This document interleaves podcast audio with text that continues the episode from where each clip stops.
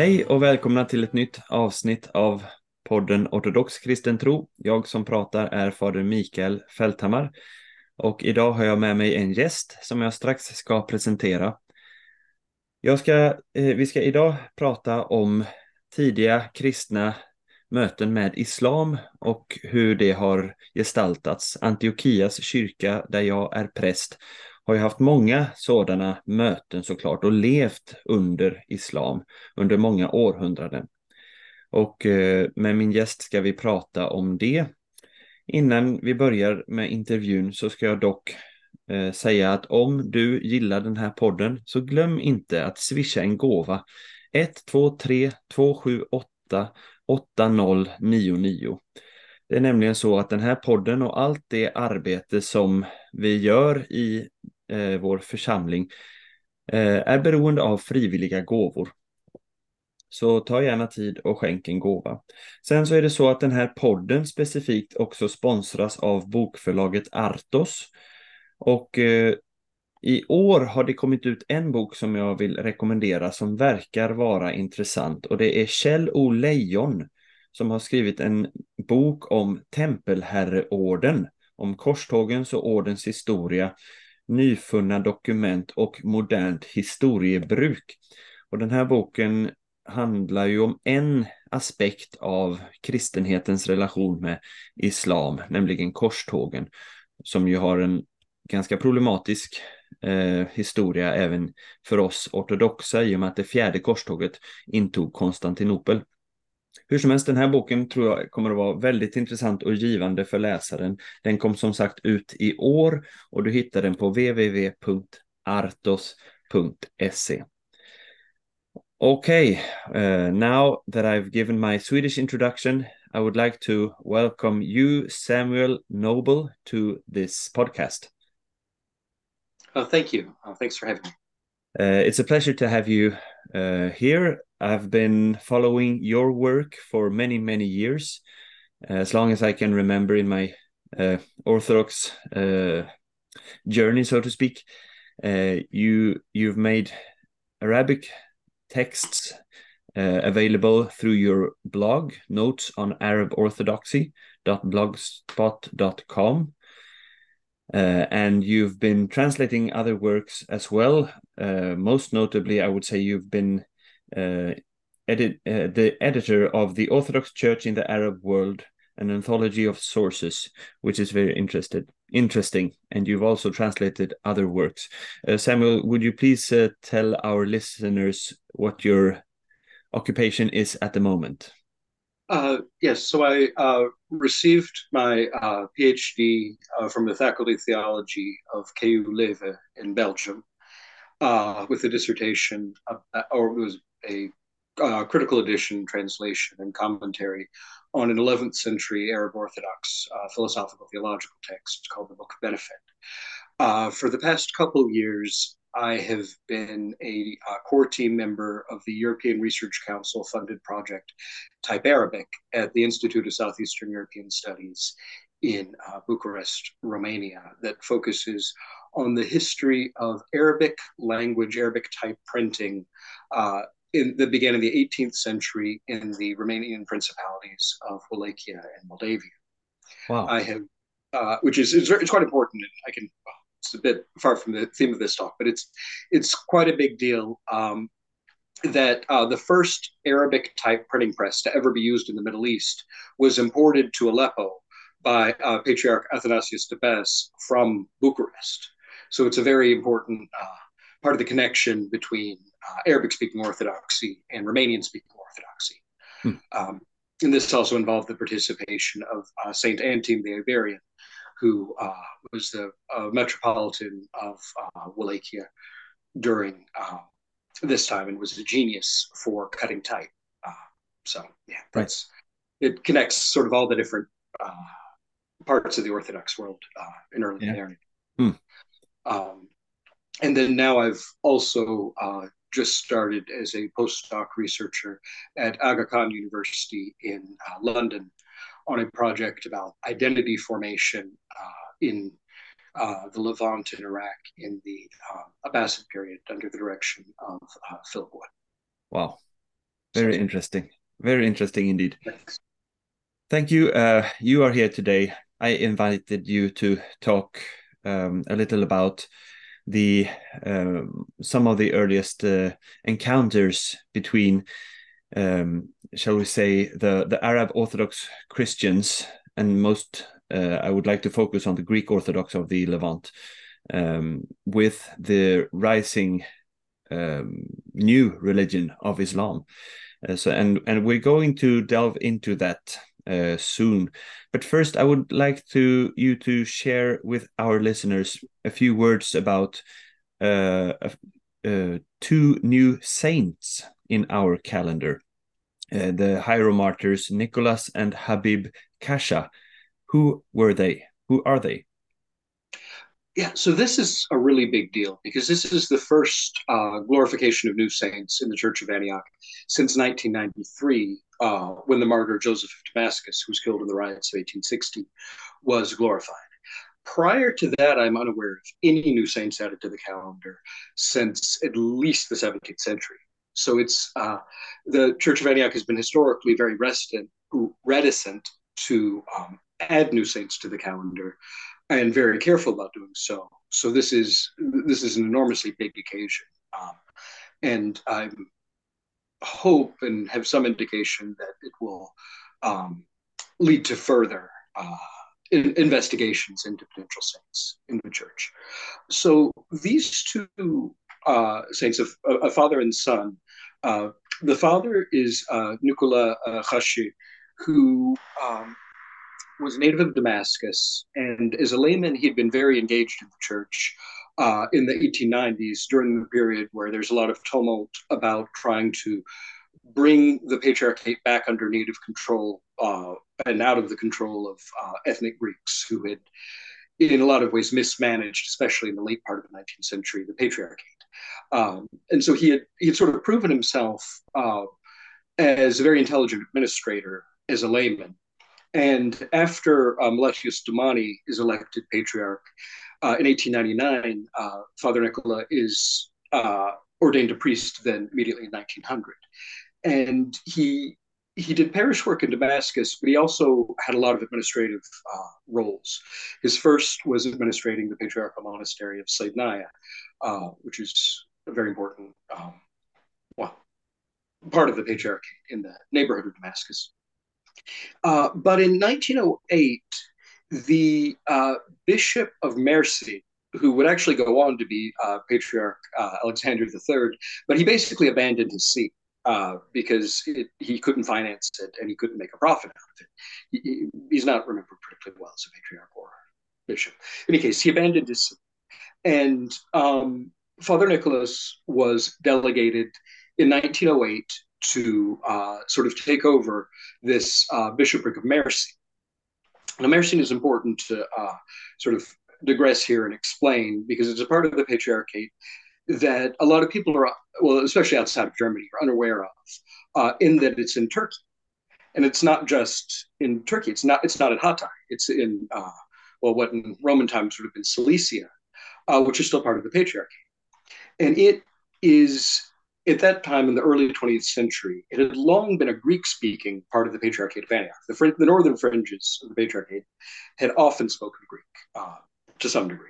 But there had been a big influx of Syrian cotton workers throughout the 19th century. So it was a mixed uh, Greek Arabic speaking parish there in Mersin, and relatively at that time still prosperous. Um, it, unlike, so, well, we fast forward a little bit of events after the death of uh, uh, Father Nicholas, it uh, it was not part of Hatay that it was under the French mandate. It was part of Turkey proper in the early Turkish Republic, uh, and it was only not subject to population exchange because when they were doing arbitration about what to do with this relatively small population, someone pulled out the Encyclopedia Britannica, which stated that it was under the Patriarchate of Antioch and thus not Greek for the purposes of population exchange. And so the parish remains, and it's it's still there today. And uh, Turkey is a well relatively functional um, active parish. It was the it was relatively undamaged during the earthquake, and so it was sort of the um, main center for providing relief to the uh, uh, the Orthodox population and others in Hatay yeah. this year. Yeah. So in any case, uh, Father Nicola was uh, at a very crucial stage immediately uh, before World War One, the um, administrator taking the place of the bishop of this uh, parish, and he uh, continued there after World War One began, and uh, was eventually arrested and executed in 1917 by the Turkish government. Um, is so it, it, took place more in the context of World War One and sort of building up of what would happen immediately after World War One. Right. So you have you know the Ottoman government is at that time basically trying to starve out Mount Lebanon and is killing people there, but it's before the uh, sort of upheaval of the creation of the Turkish Republic.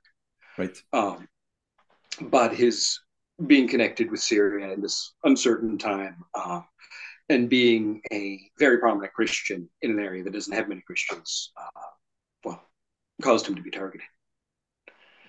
Then his son followed very much in his footsteps. Uh, Habib Khasheh uh, was, again, a, a, very sort of able man in the world as a layman. He, uh, like a lot of Syrians uh, of his time, immigrated to Egypt and was very successful in business. Uh, but it seems, from all accounts of him, that he was very uh, marked by his father's martyrdom. And he moved back to his home in Damascus and became a priest uh, during a period where there was not a lot of uh, well, material support for priests. And so he was he he gave up really his livelihood in order to be a priest.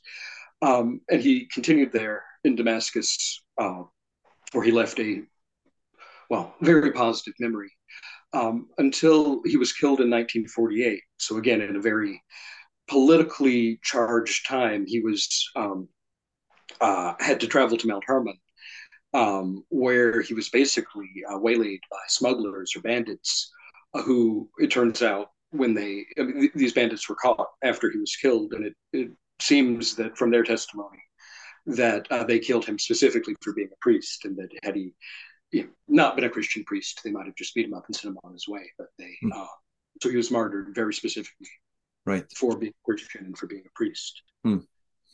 And, and they uh, will be added to the calendar, or they have been added to the calendar of saints already. Yes, just recently.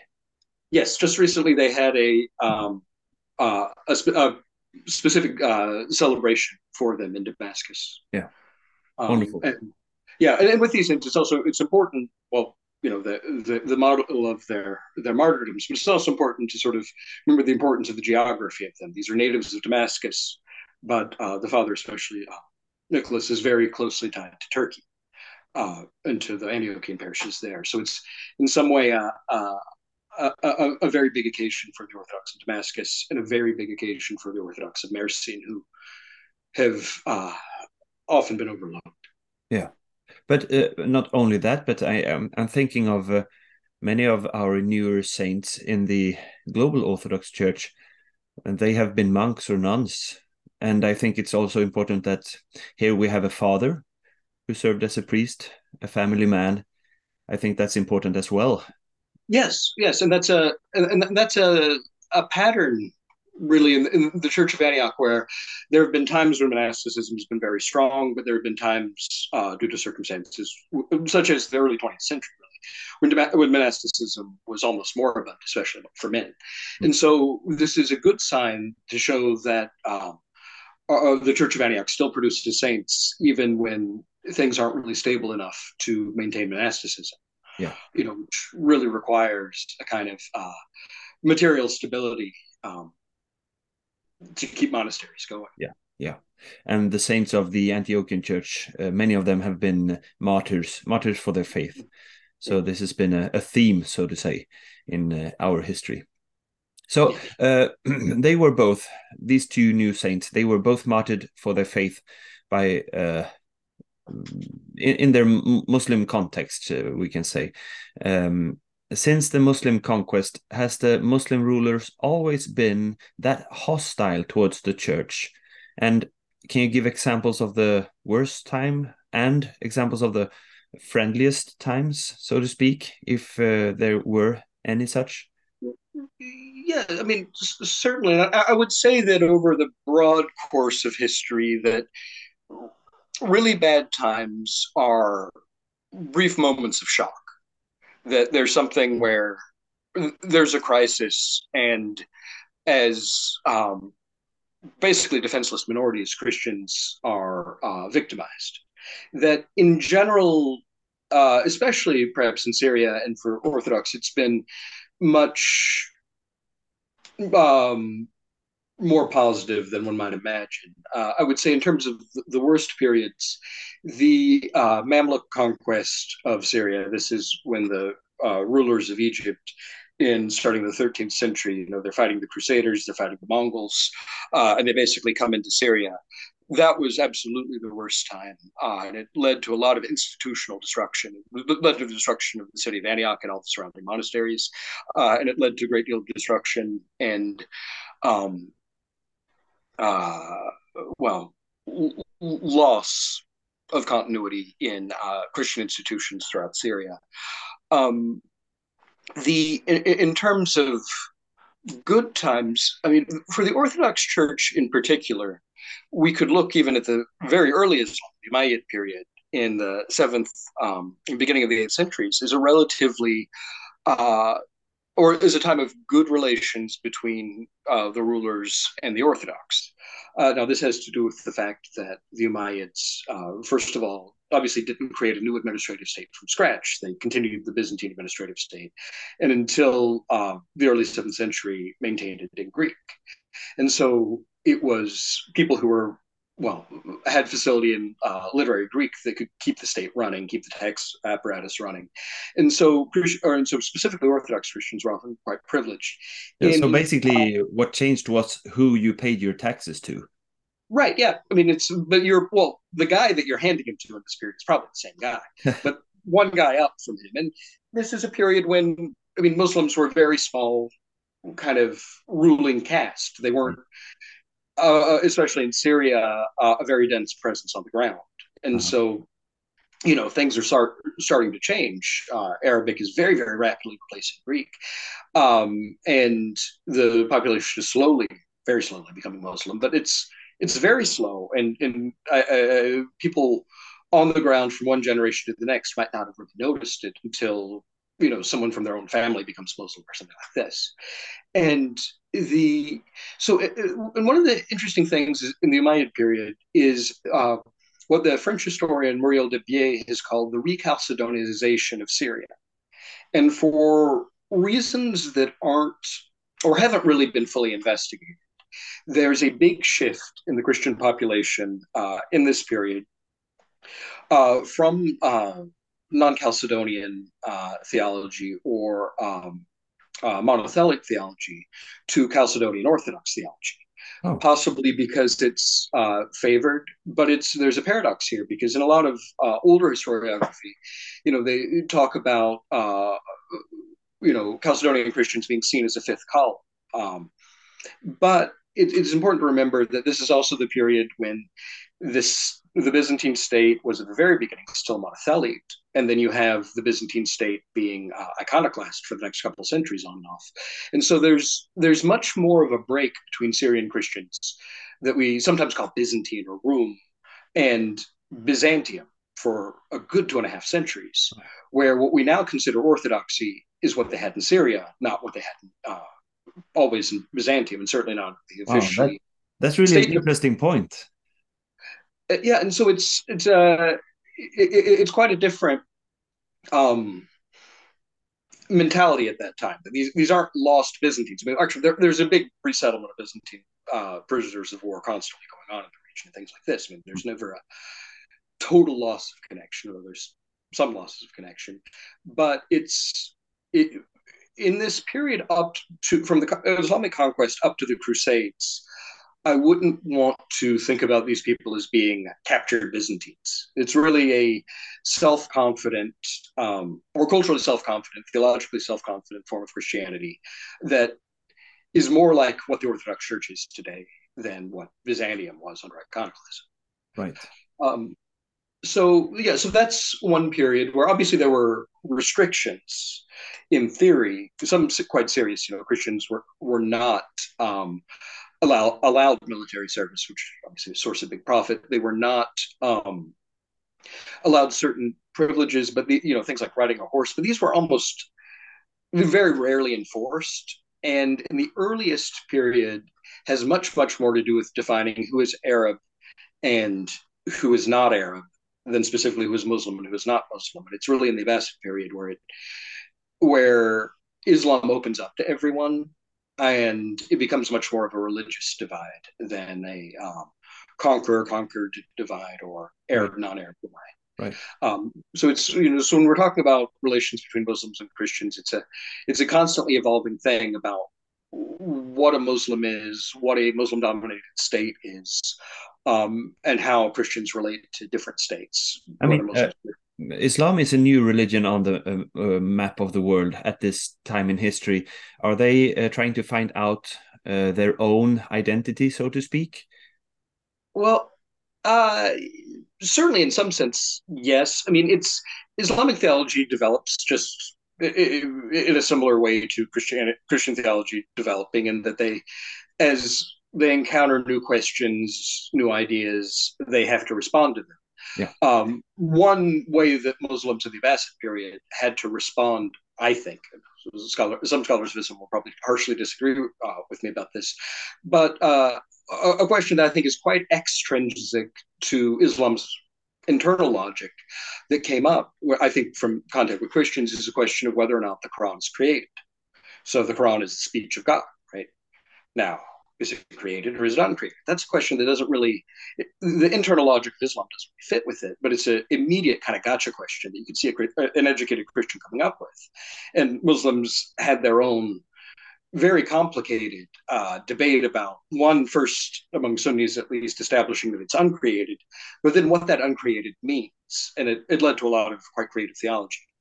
Um, so yeah, Muslims are in many ways developing uh, one theology on a, in the sense of what we as Christians would call theology, and also their jurisprudence was developing. I mean, it, it, takes a few hundred years to really get the sort of classical schools of Islamic jurisprudence and um, yeah many aspects of Islamic practice.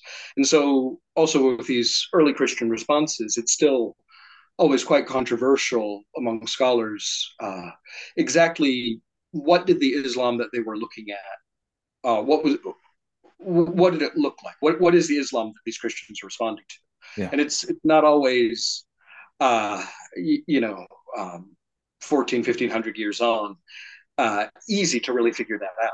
Certainly, it's never uh, non-controversial in a scholarly setting. Of course. Uh, I, I, imagine one uh, question that uh, listeners might have is the question of the jizya tax. Forgive my pronunciation, but that would be a thing that distinguished uh, Muslim subjects and Christian subjects, in that the, the later later ones would have to pay a special tax to avoid harassment or something like that, convert or pay the tax.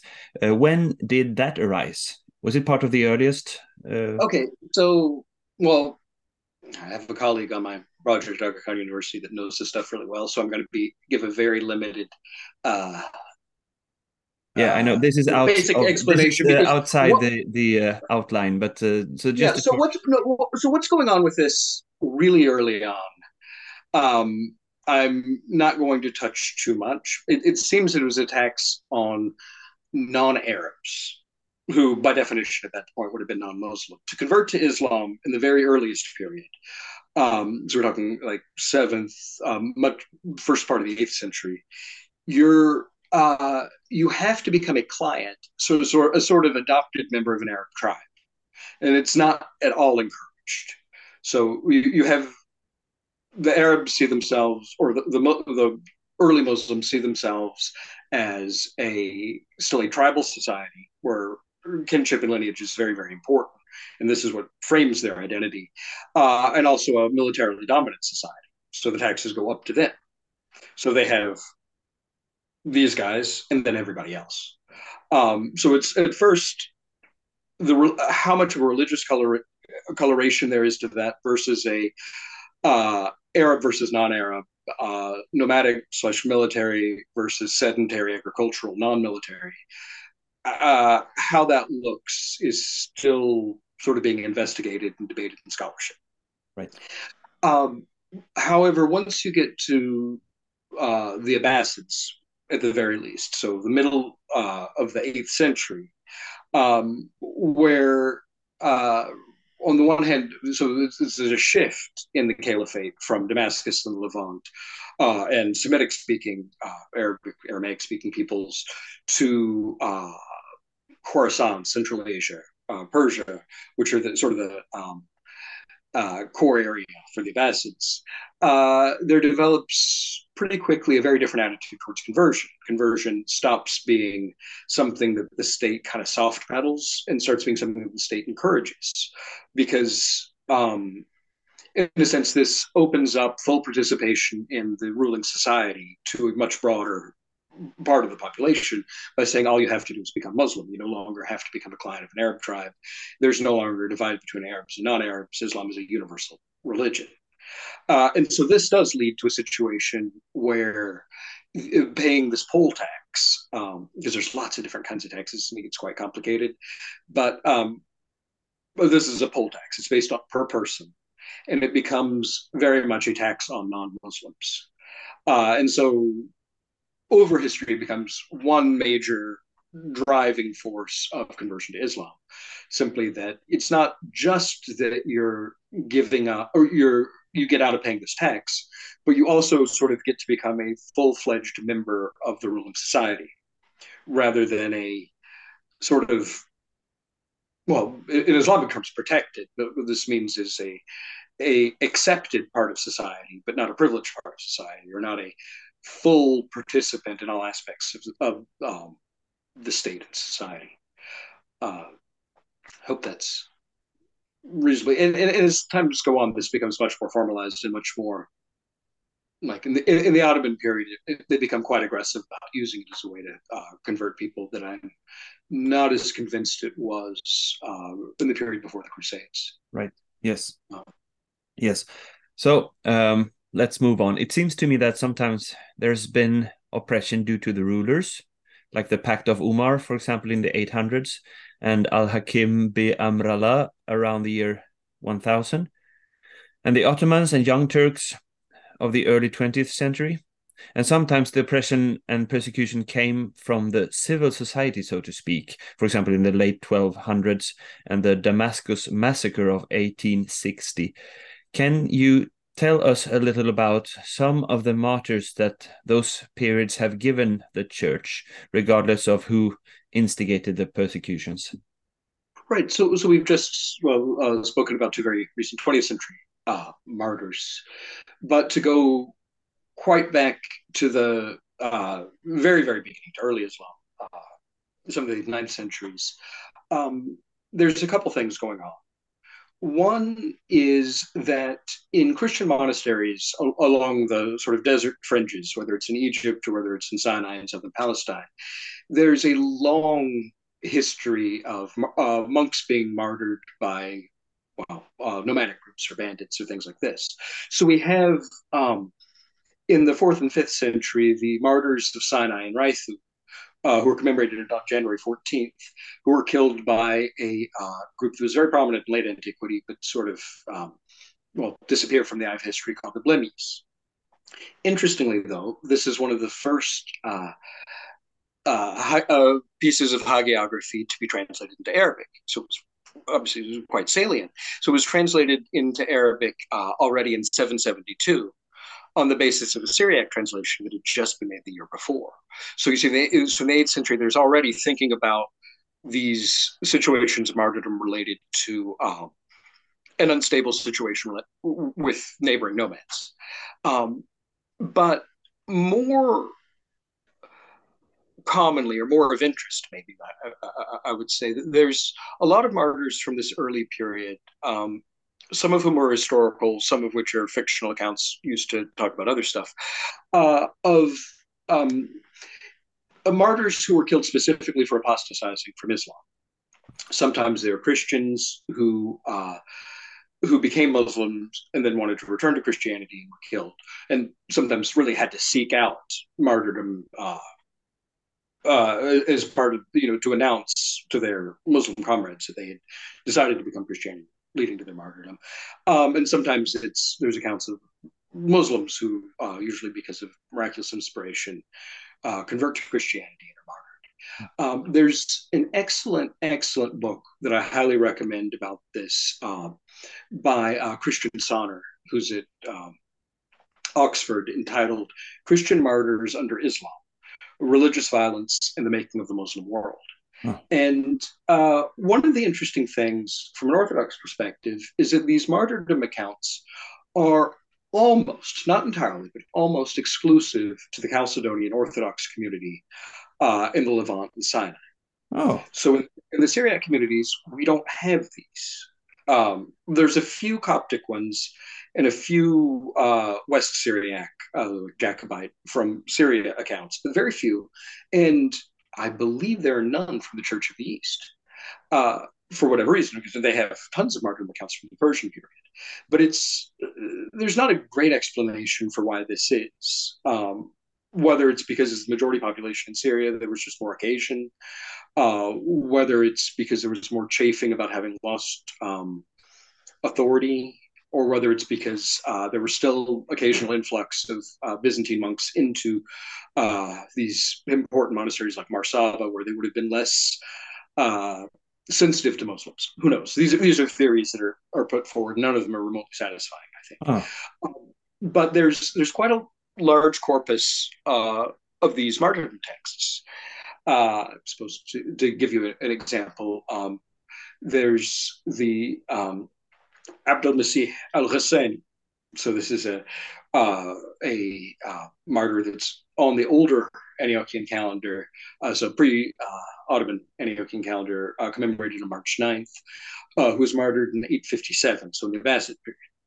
So he's a uh, from a Christian Arab tribe, the Ghassanids in Syria. He goes and as has been common in all periods in the Middle East, he goes on pilgrimage to Jerusalem but he's convinced uh, by uh, some of his friends that it would be much more profitable to go and raid Byzantium uh, on annual uh, jihad raids because it, it, was a sort of semi-ritualized thing in the Abbasid period that the caliph had to wage jihad once a year. Yeah, so, so they would take just a second. He he oh. went out on a Christian pilgrimage to Jerusalem, and on the way he was convinced to join yeah. a Muslim, a rich, sort of institutionalized jihad towards yeah. Byzantium. no, I mean peer pressure will get you. Yeah. Um, but he, you know, so he he does this, and he has, you know, a, a, a life as a, a, border warrior is was a thing in that period, mm. um, and then he's in Baalbek in Lebanon, uh, which even before Islam was a, quite an Arab city, and he, uh, you know, sort of recalls the gospel and decides, oh no. Um, he uh, you know, he returns to Christianity. He goes to Sinai, becomes a monk, but his, his conscience is a little troubled. So he goes back to his former companions and says, Look, I'm a Christian now. Uh, uh, uh his name was Qais, and then he takes, uh, as a Christian or monastic name, Abdul Masih, so servant of Christ. Um, and because he's insistent on making this point of having returned to Christianity, he's eventually uh, killed. And this is a sort of, it's quite an archetypical example um, from uh, the, uh, from that period. And there's other uh, similar saints that were on the Orthodox calendar or of the Church of Antioch um, until it was sort of revised under the influence of printed Greek books uh, yeah. starting in the 17th century. So, do we still uh, have those old calendars and synaxarias available? Yes. Uh, they have not been translated, they have been studied um, to various degrees. Uh, my uh, colleague uh, Habib Ibrahim is doing a lot of work on them. There's older uh, Greek or older French language study um, monograph length by uh, I forget his name, uh, but the last name Sauget.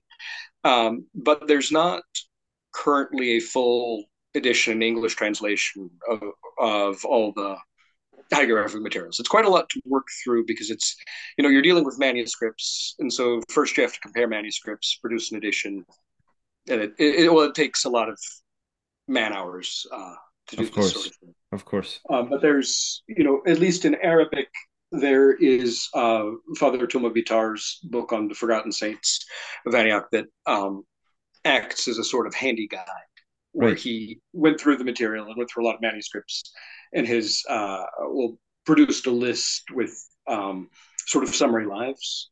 And for Arabic readers, it's very useful. Uh, I hope it'll get translated into English uh, at some point, especially if the Holy Synod uh, becomes more proactive about returning some of these figures. Wonderful. to- Well, that's uh, it sounds really interesting. I hope that they do. I think it would be uh, uh, beneficial for the church to have uh, those old martyrs and saints uh, commemorated again. But that's my opinion. yeah, well, mine as well. But um, actually, if I can mention one other because it's uh, quite accessible. Um, Please do. there's a life of the martyred patriarch Christopher. He was martyred in 967. And uh, this has been edited by uh, an American scholar named Joshua Mugler. And if you Google it, um, Life of Christopher Joshua Mugler, M U G L E R, uh, the Arabic edition and his English translation with notes and sort of you know historical commentary is available open access online. Oh. Um, and so it's it, it's quite easy to find and to read, and it's uh, a really interesting text um, in that Christopher was uh, well, he was native of Baghdad, who uh, was a layman, but and a uh, he, well, he to make it much shorter, he was um, quite a a good scribe. In, in, in, his life, it says he writes both fast and very well. This is obviously quite rare, and so he he gets sent by the people of Baghdad to deal with a, a kind of complicated administrative thing with the patriarchy. Um, but while he's very, he impresses everyone. And uh, when the patriarch dies, they call him back up from where he's active as a secretary with the Hamdanid uh, dynasty in Aleppo. Uh, and he, on the one hand, so this is right before the Byzantines are coming in. The Hamdanids are losing territory in northern Syria quite rapidly to the Byzantines. The army's, in, you know, Nicephorus Phocas is inching towards Antioch. Um, but at the same time, uh, he was able to found a school. He was able to, uh, well, educate and sort of bring up uh, a whole sort of group of intellectuals whose names and uh, whose translations or writings we know about uh, in these times. And then when the Byzantine army gets to Antioch, he leaves because he doesn't want any suspicion to fall on him that he would be supporting uh, the Byzantines, his co-religionists, against uh, his Muslim patron, hmm. who's he's very, very personally loyal to. His life, the life, um, which was written in Arabic under Byzantine rule, is very, very positive about the Hamdanids, uh, who are the Byzantines' enemies. And eventually, he's killed uh, as much for his loyalty. So he's killed when there's sort of a revolution, and uh, well, a group of a group of people come in from Central Asia uh, to and are antagonizing the Hamdanids, and he's killed by them for his closeness to the Hamdanids, uh, rather than for anything directly to do with Byzantines. Hmm. Um, and so again, this this shows, um, well, the, the, the pattern of very complicated uh, political situations yes. are really often what leads to martyrdoms. Uh, in the sense that Christians are often the most vulnerable people. He, yeah you know, but he's his life is very vivid. It's written in a style um, with a lot more names and places and uh, sort of coloring than uh, a lot of uh, saints' lives from this period. And yeah. so you kind of get a feel for what kind of figure he is and what kind of um, world he lived in. So I highly recommend reading it. Very interesting indeed. Thank you very much. So let's move on a little to uh, apologetics. So uh, Saint John of Damascus uh, seems to view Islam as a form of Christian heresy. Uh, if we read in his list of heresies, he, he writes uh, this uh, about Islam. A false prophet named Muhammad has appeared. This man, after having chanced upon the Old and New Testament, and likewise, it seems, having conversed with an Arian monk, devised his own heresy. Uh, is this, would you say, a typical early Christian view of Islam? And what can you tell us about the earliest Arab or Syriac apologetic sources and their arguments?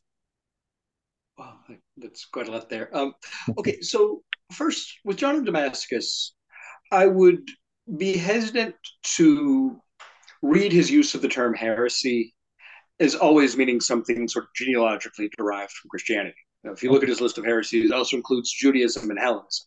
Right. Um, so, you know, a heresy is really an incorrect school of thought, wherever it's coming from. Um, however, in still, you know, in the early 8th century, Christians are still sort of trying to make sense of what it, what actually Islam is, and um, in order to do so, they either compare Christianity or, or, their own faith, Christianity, to Islam, and look at the differences.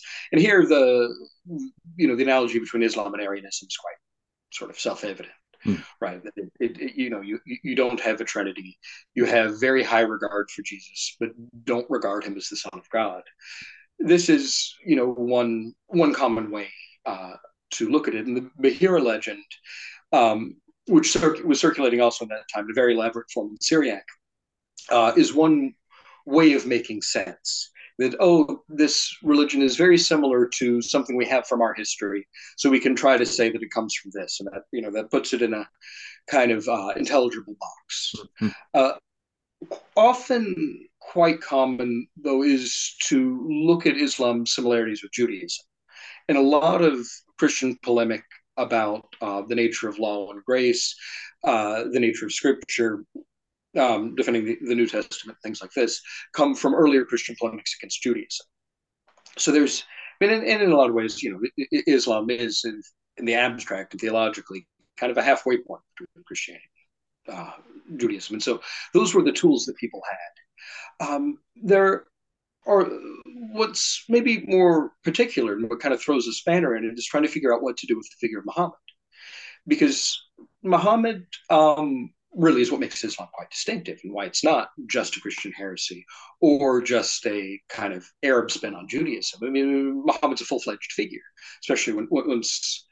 Uh, you know the Hadith collection and uh, biographies uh, of him start uh, circulating this period and so um, there's two kind of paradigmatic ways in say the 8th century that uh, or 9th century that um, uh, christians used to approach muhammad one is the tactic taken in the dialogue between the uh, Nestorian or East Syriac Catholicos Timothy I with the Abbasid Caliph al Mahdi uh, which took place in 781. Now, it's the dialogue seems to have actually occurred. The r- record of it that we have is uh, in Syriac and obviously written uh, from the perspective of one party with embellishments and uh, clarifications and things like that. Huh? But um, Timothy's approach to Muhammad is one that uh, is still you still find among uh, some Arabic Christians today, particularly Metropolitan George Khodr has said things like this, that the where he says, okay, well, we we, we obviously can't accept Muhammad as inspired by God. Uh, however, we accept your own narrative of Muhammad having brought the uh, pagan Arabs out of total immorality into belief in one God and a uh, ethical God-centered life. So we can say that Muhammad walked in the way of the prophets. Right. So we won't concede that he was inspired. However, we will concede that he he led people closer, uh, and in that had a quasi prophetic role. Okay, but um, but so this this is this has been utilized in modern days as well as you say metropolitan. Yeah, it, but yeah, uh, it, there's a quite obvious critique to this. Uh, I'm sorry to, for, to, yeah, for leaving the uh, the narrative here, but yeah. he also showed some quite unprophetic characteristics. Well, well, certainly, and that's the other tactic that's taken. Let's say okay. talk about paradigmatic is that you can. Um, so, well, the most shocking pre-modern example of this uh, for its readers was what's called the Letter of Al-Kindi. A ninth century, mid ninth century. So again, Abbasid, Abbasid period, and it is purportedly a, uh, a, exchange of letters between a Christian from the tribe of Kinda and a um, a Muslim friend of his from the tribe of Hashim. And it sort of spares no, uh, uh, or holds no punches in being very aggressive. And a lot of the very, it gets translated into Latin in the Middle Ages. And so a lot of the very old uh, Western criticisms of Islam, such as, well, where are your, what happens to your women in paradise? You know, questions like that, or questions about the ethical behavior of Muhammad uh, are brought to the fore and so this was also uh, it probably is from an East Syriac milieu, though I'm, that people are uh, not certain about that. It was very commonly circulated uh, among Orthodox Christians in the Middle Ages uh, and early modernity, but it was always uh, a little bit of a risque text. So these the, these different attitudes, um, one depending on uh, well the circumstances but also what you want to um, what you want to emphasize about muhammad's career especially uh, gives very different hmm.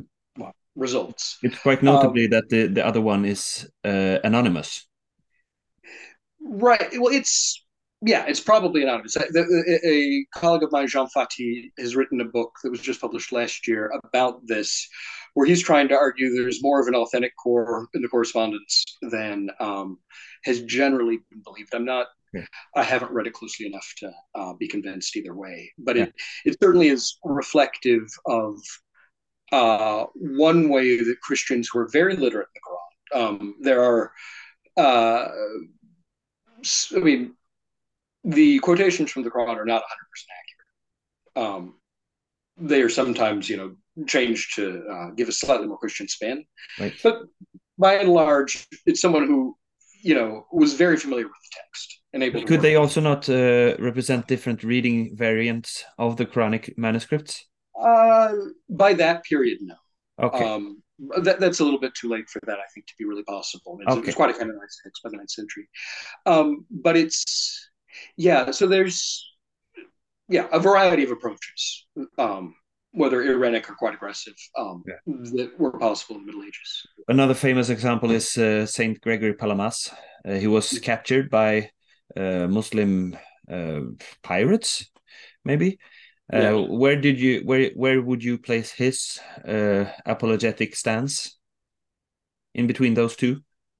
Yeah, I mean, it's for, given the circumstances of his time, mm-hmm. and given that generally Greek polemics are much less Irenic uh, for obvious reasons. I mean, they're not they're not being written uh, in any sense of a dialogue. They're being written, you know, to convince yourself, or you know. Yeah. Um, so yeah, but by the standards of Greek uh, interpretations of Islam, he's quite Irenic. In fact, uh, uh, I, I, would say. Um, you know, and, and, certainly for someone who probably wasn't thinking terribly a lot about Islam until he found himself, uh, well, in, in, that situation. Um, yeah, he he had his own uh, battles to fight. Exactly. Exactly. So let's move on to next question because you've mentioned that they knew uh, portions of the Quran and they could quote. So the earliest known Arabic apology is an anonymous treatise named Sinai Arabic 154 uh, it's a manuscript. Uh, it dates from around the year 800. It is Chalcedonian in, in its Christology and very interesting in that it doesn't restrict itself to using the Bible as an apologetic source, but also the Quran. So, for example, when arguing for the Holy Trinity of God, the author writes, You will find in the Quran, we created humanity in affliction in 1940. And and 90 uh, surah 90 verse 40 and we open the gates of heaven with water pouring down uh, 54 11 and it is said they shall come to us individually as we created them first surah 6 94 and it is said believe in God and His Word, and also with regard to the Holy Spirit, but the Holy Spirit shall reveal it from your Lord as mercy and guidance.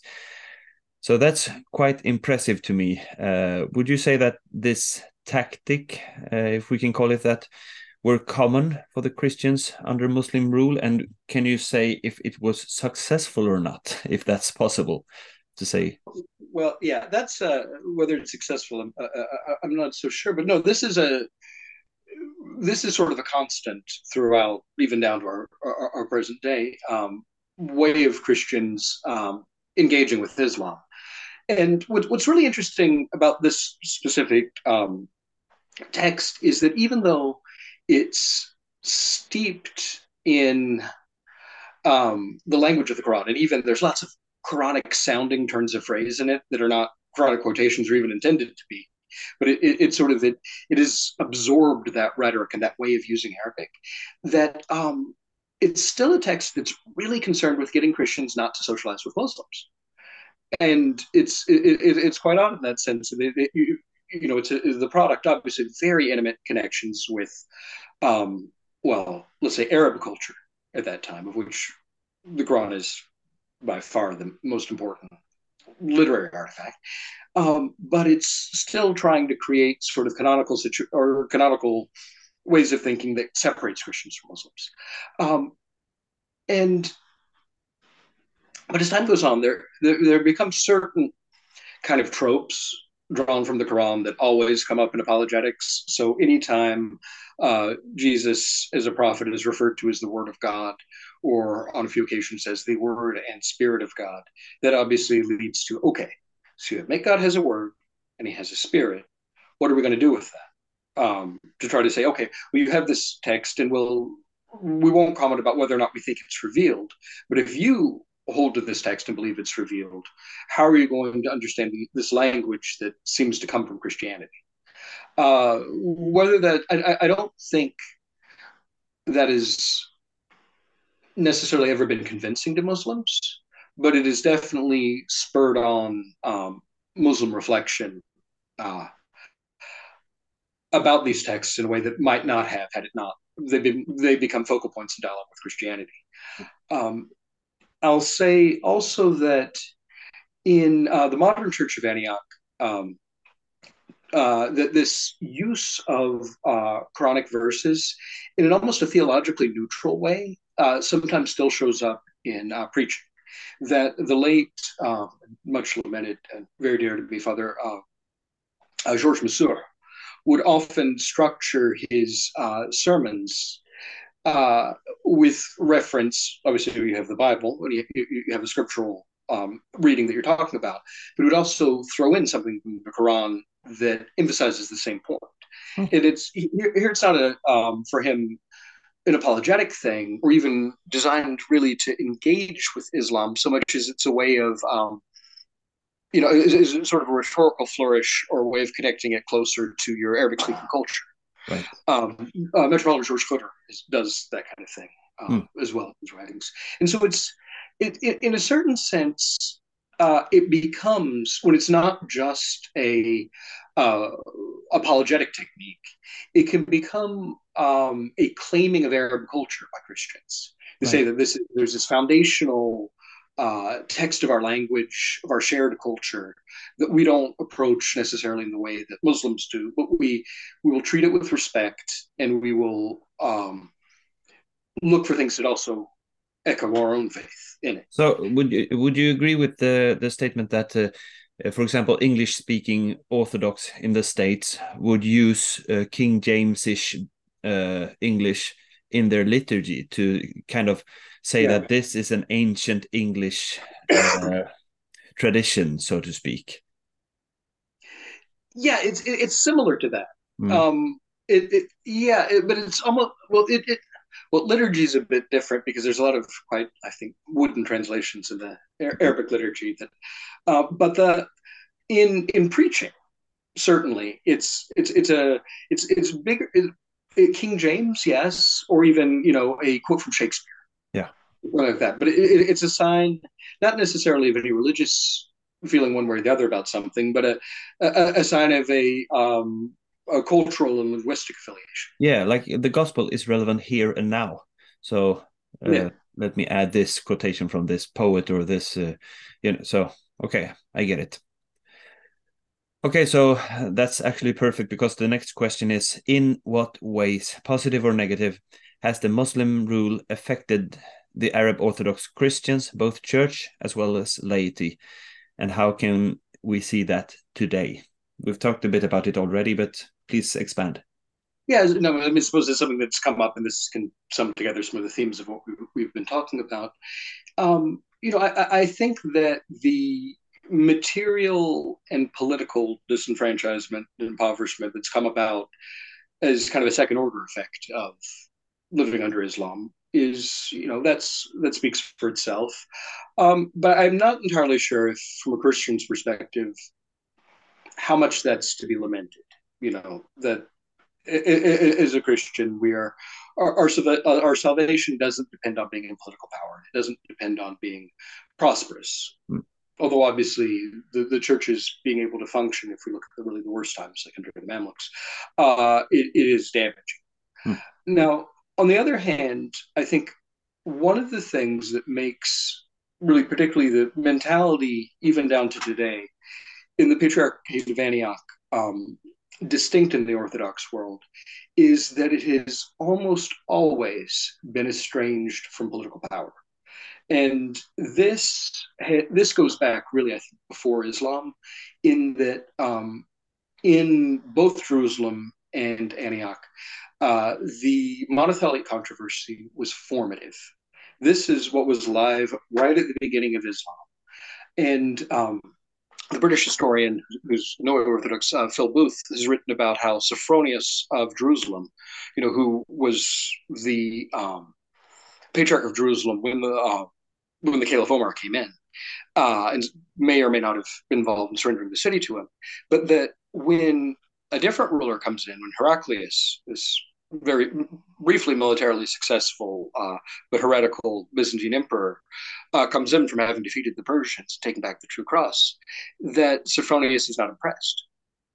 Like, in his writings about time, his, his, contemporary writings, and that for Phil Booth, uh, he highlights this as being a sort of crystallizing a post-Roman identity among the uh, Chalcedonian Christians in Jerusalem, and this who will kind of define the intellectual um, horizons for the uh, Patriarchate of Antioch as well in these centuries.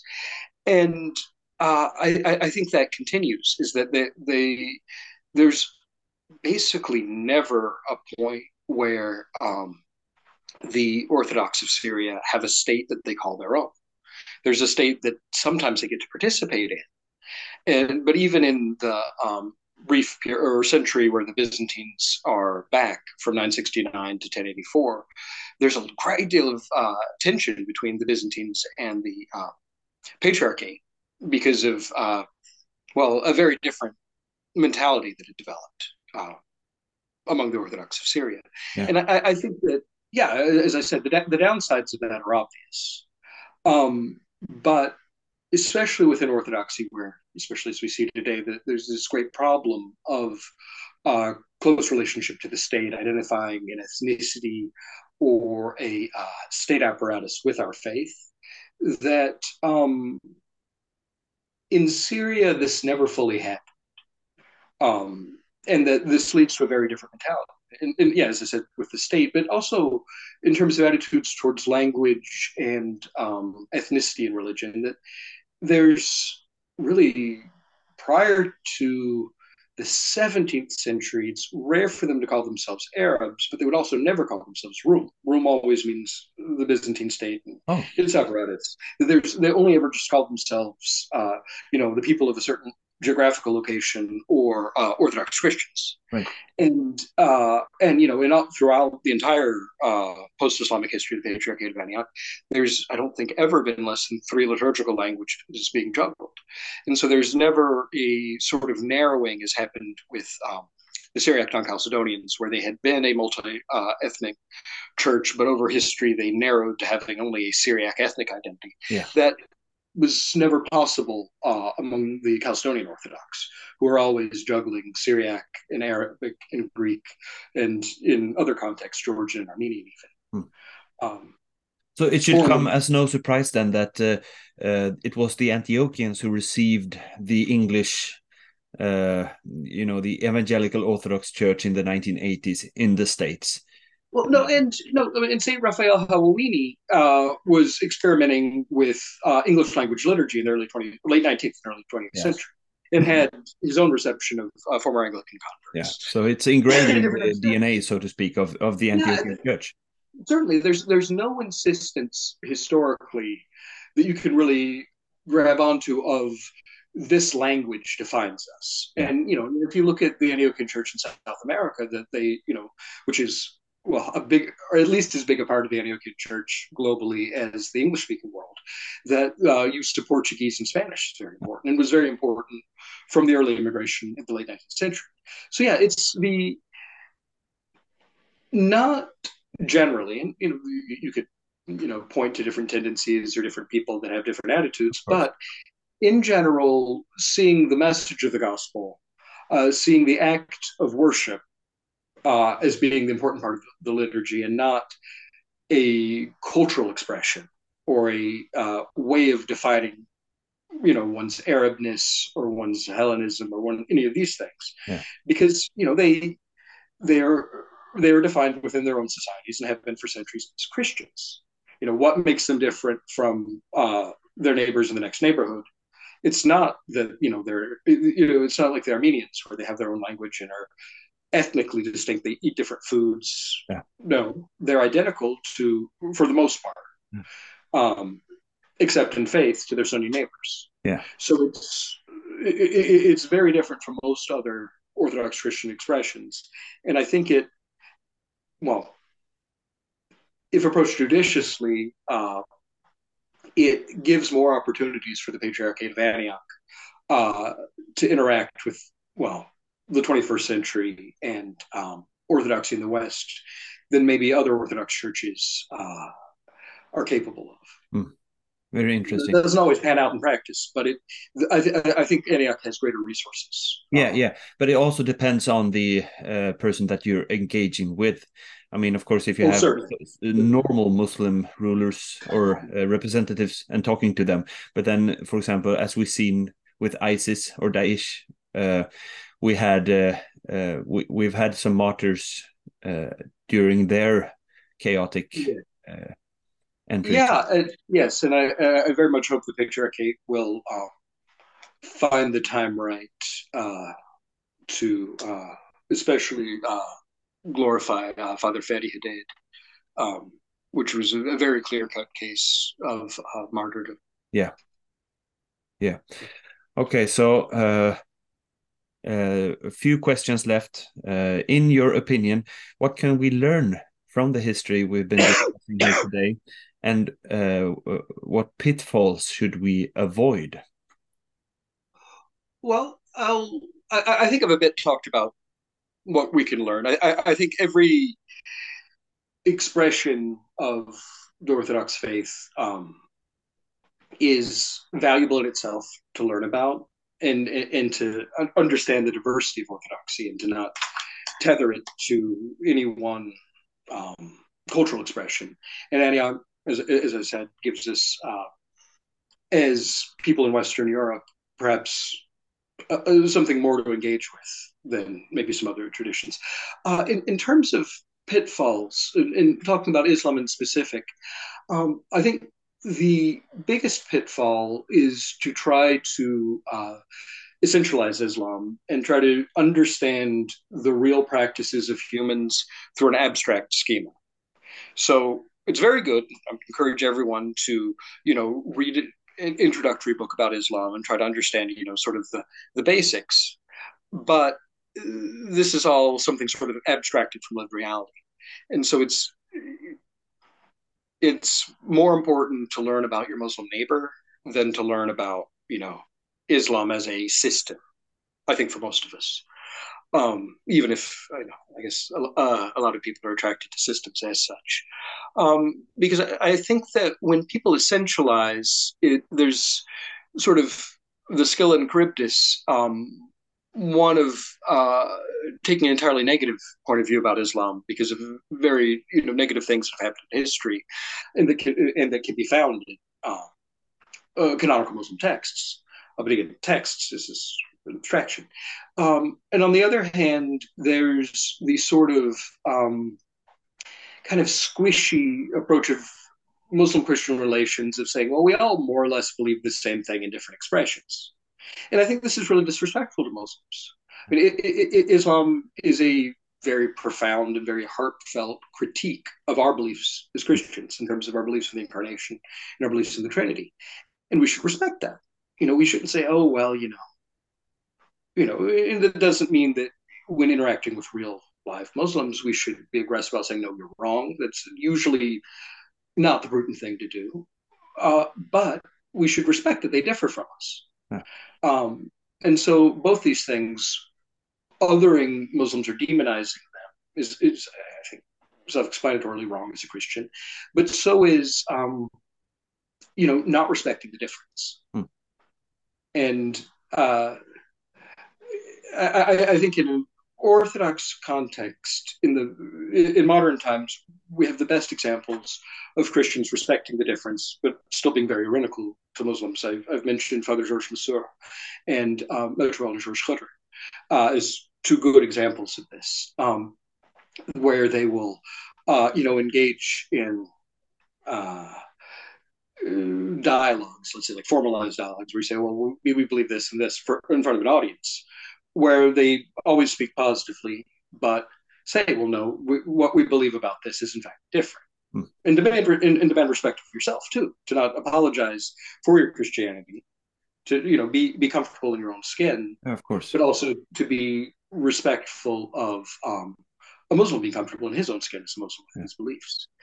Uh, you know, it, it's funny. I, I once saw um, Metropolitan Georges give a, a, speak in French uh, in Paris, where someone asked him about uh, Muslim Christian dialogue. He, he, clearly didn't want to speak about it, and you know, his his response in the end was, "Well, you know, for us, this is just life. We're not really fascinated by Islam. Islam's, you know, something around us, but it's not something that we want to like, fixate on the way that Western Christians do and try to, you know."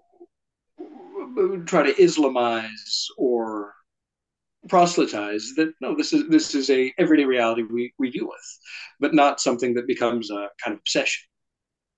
And i think that that's the uh, there is a big contrast in the in lebanon between this type of orthodox attitude of and a lot of um, sort of orientalist roman catholic approaches to islam that have either especially in the mid 20th century during the civil war uh, sought to demonize Muslims, or like uh, the uh, probably martyred Father Paolo Dall'Oglio uh, in Syria, who becomes extremely Islamophile and tries to Islamize his own practice. Um, the orthodoxy has, in modern times, generally avoided uh, either of these two approaches.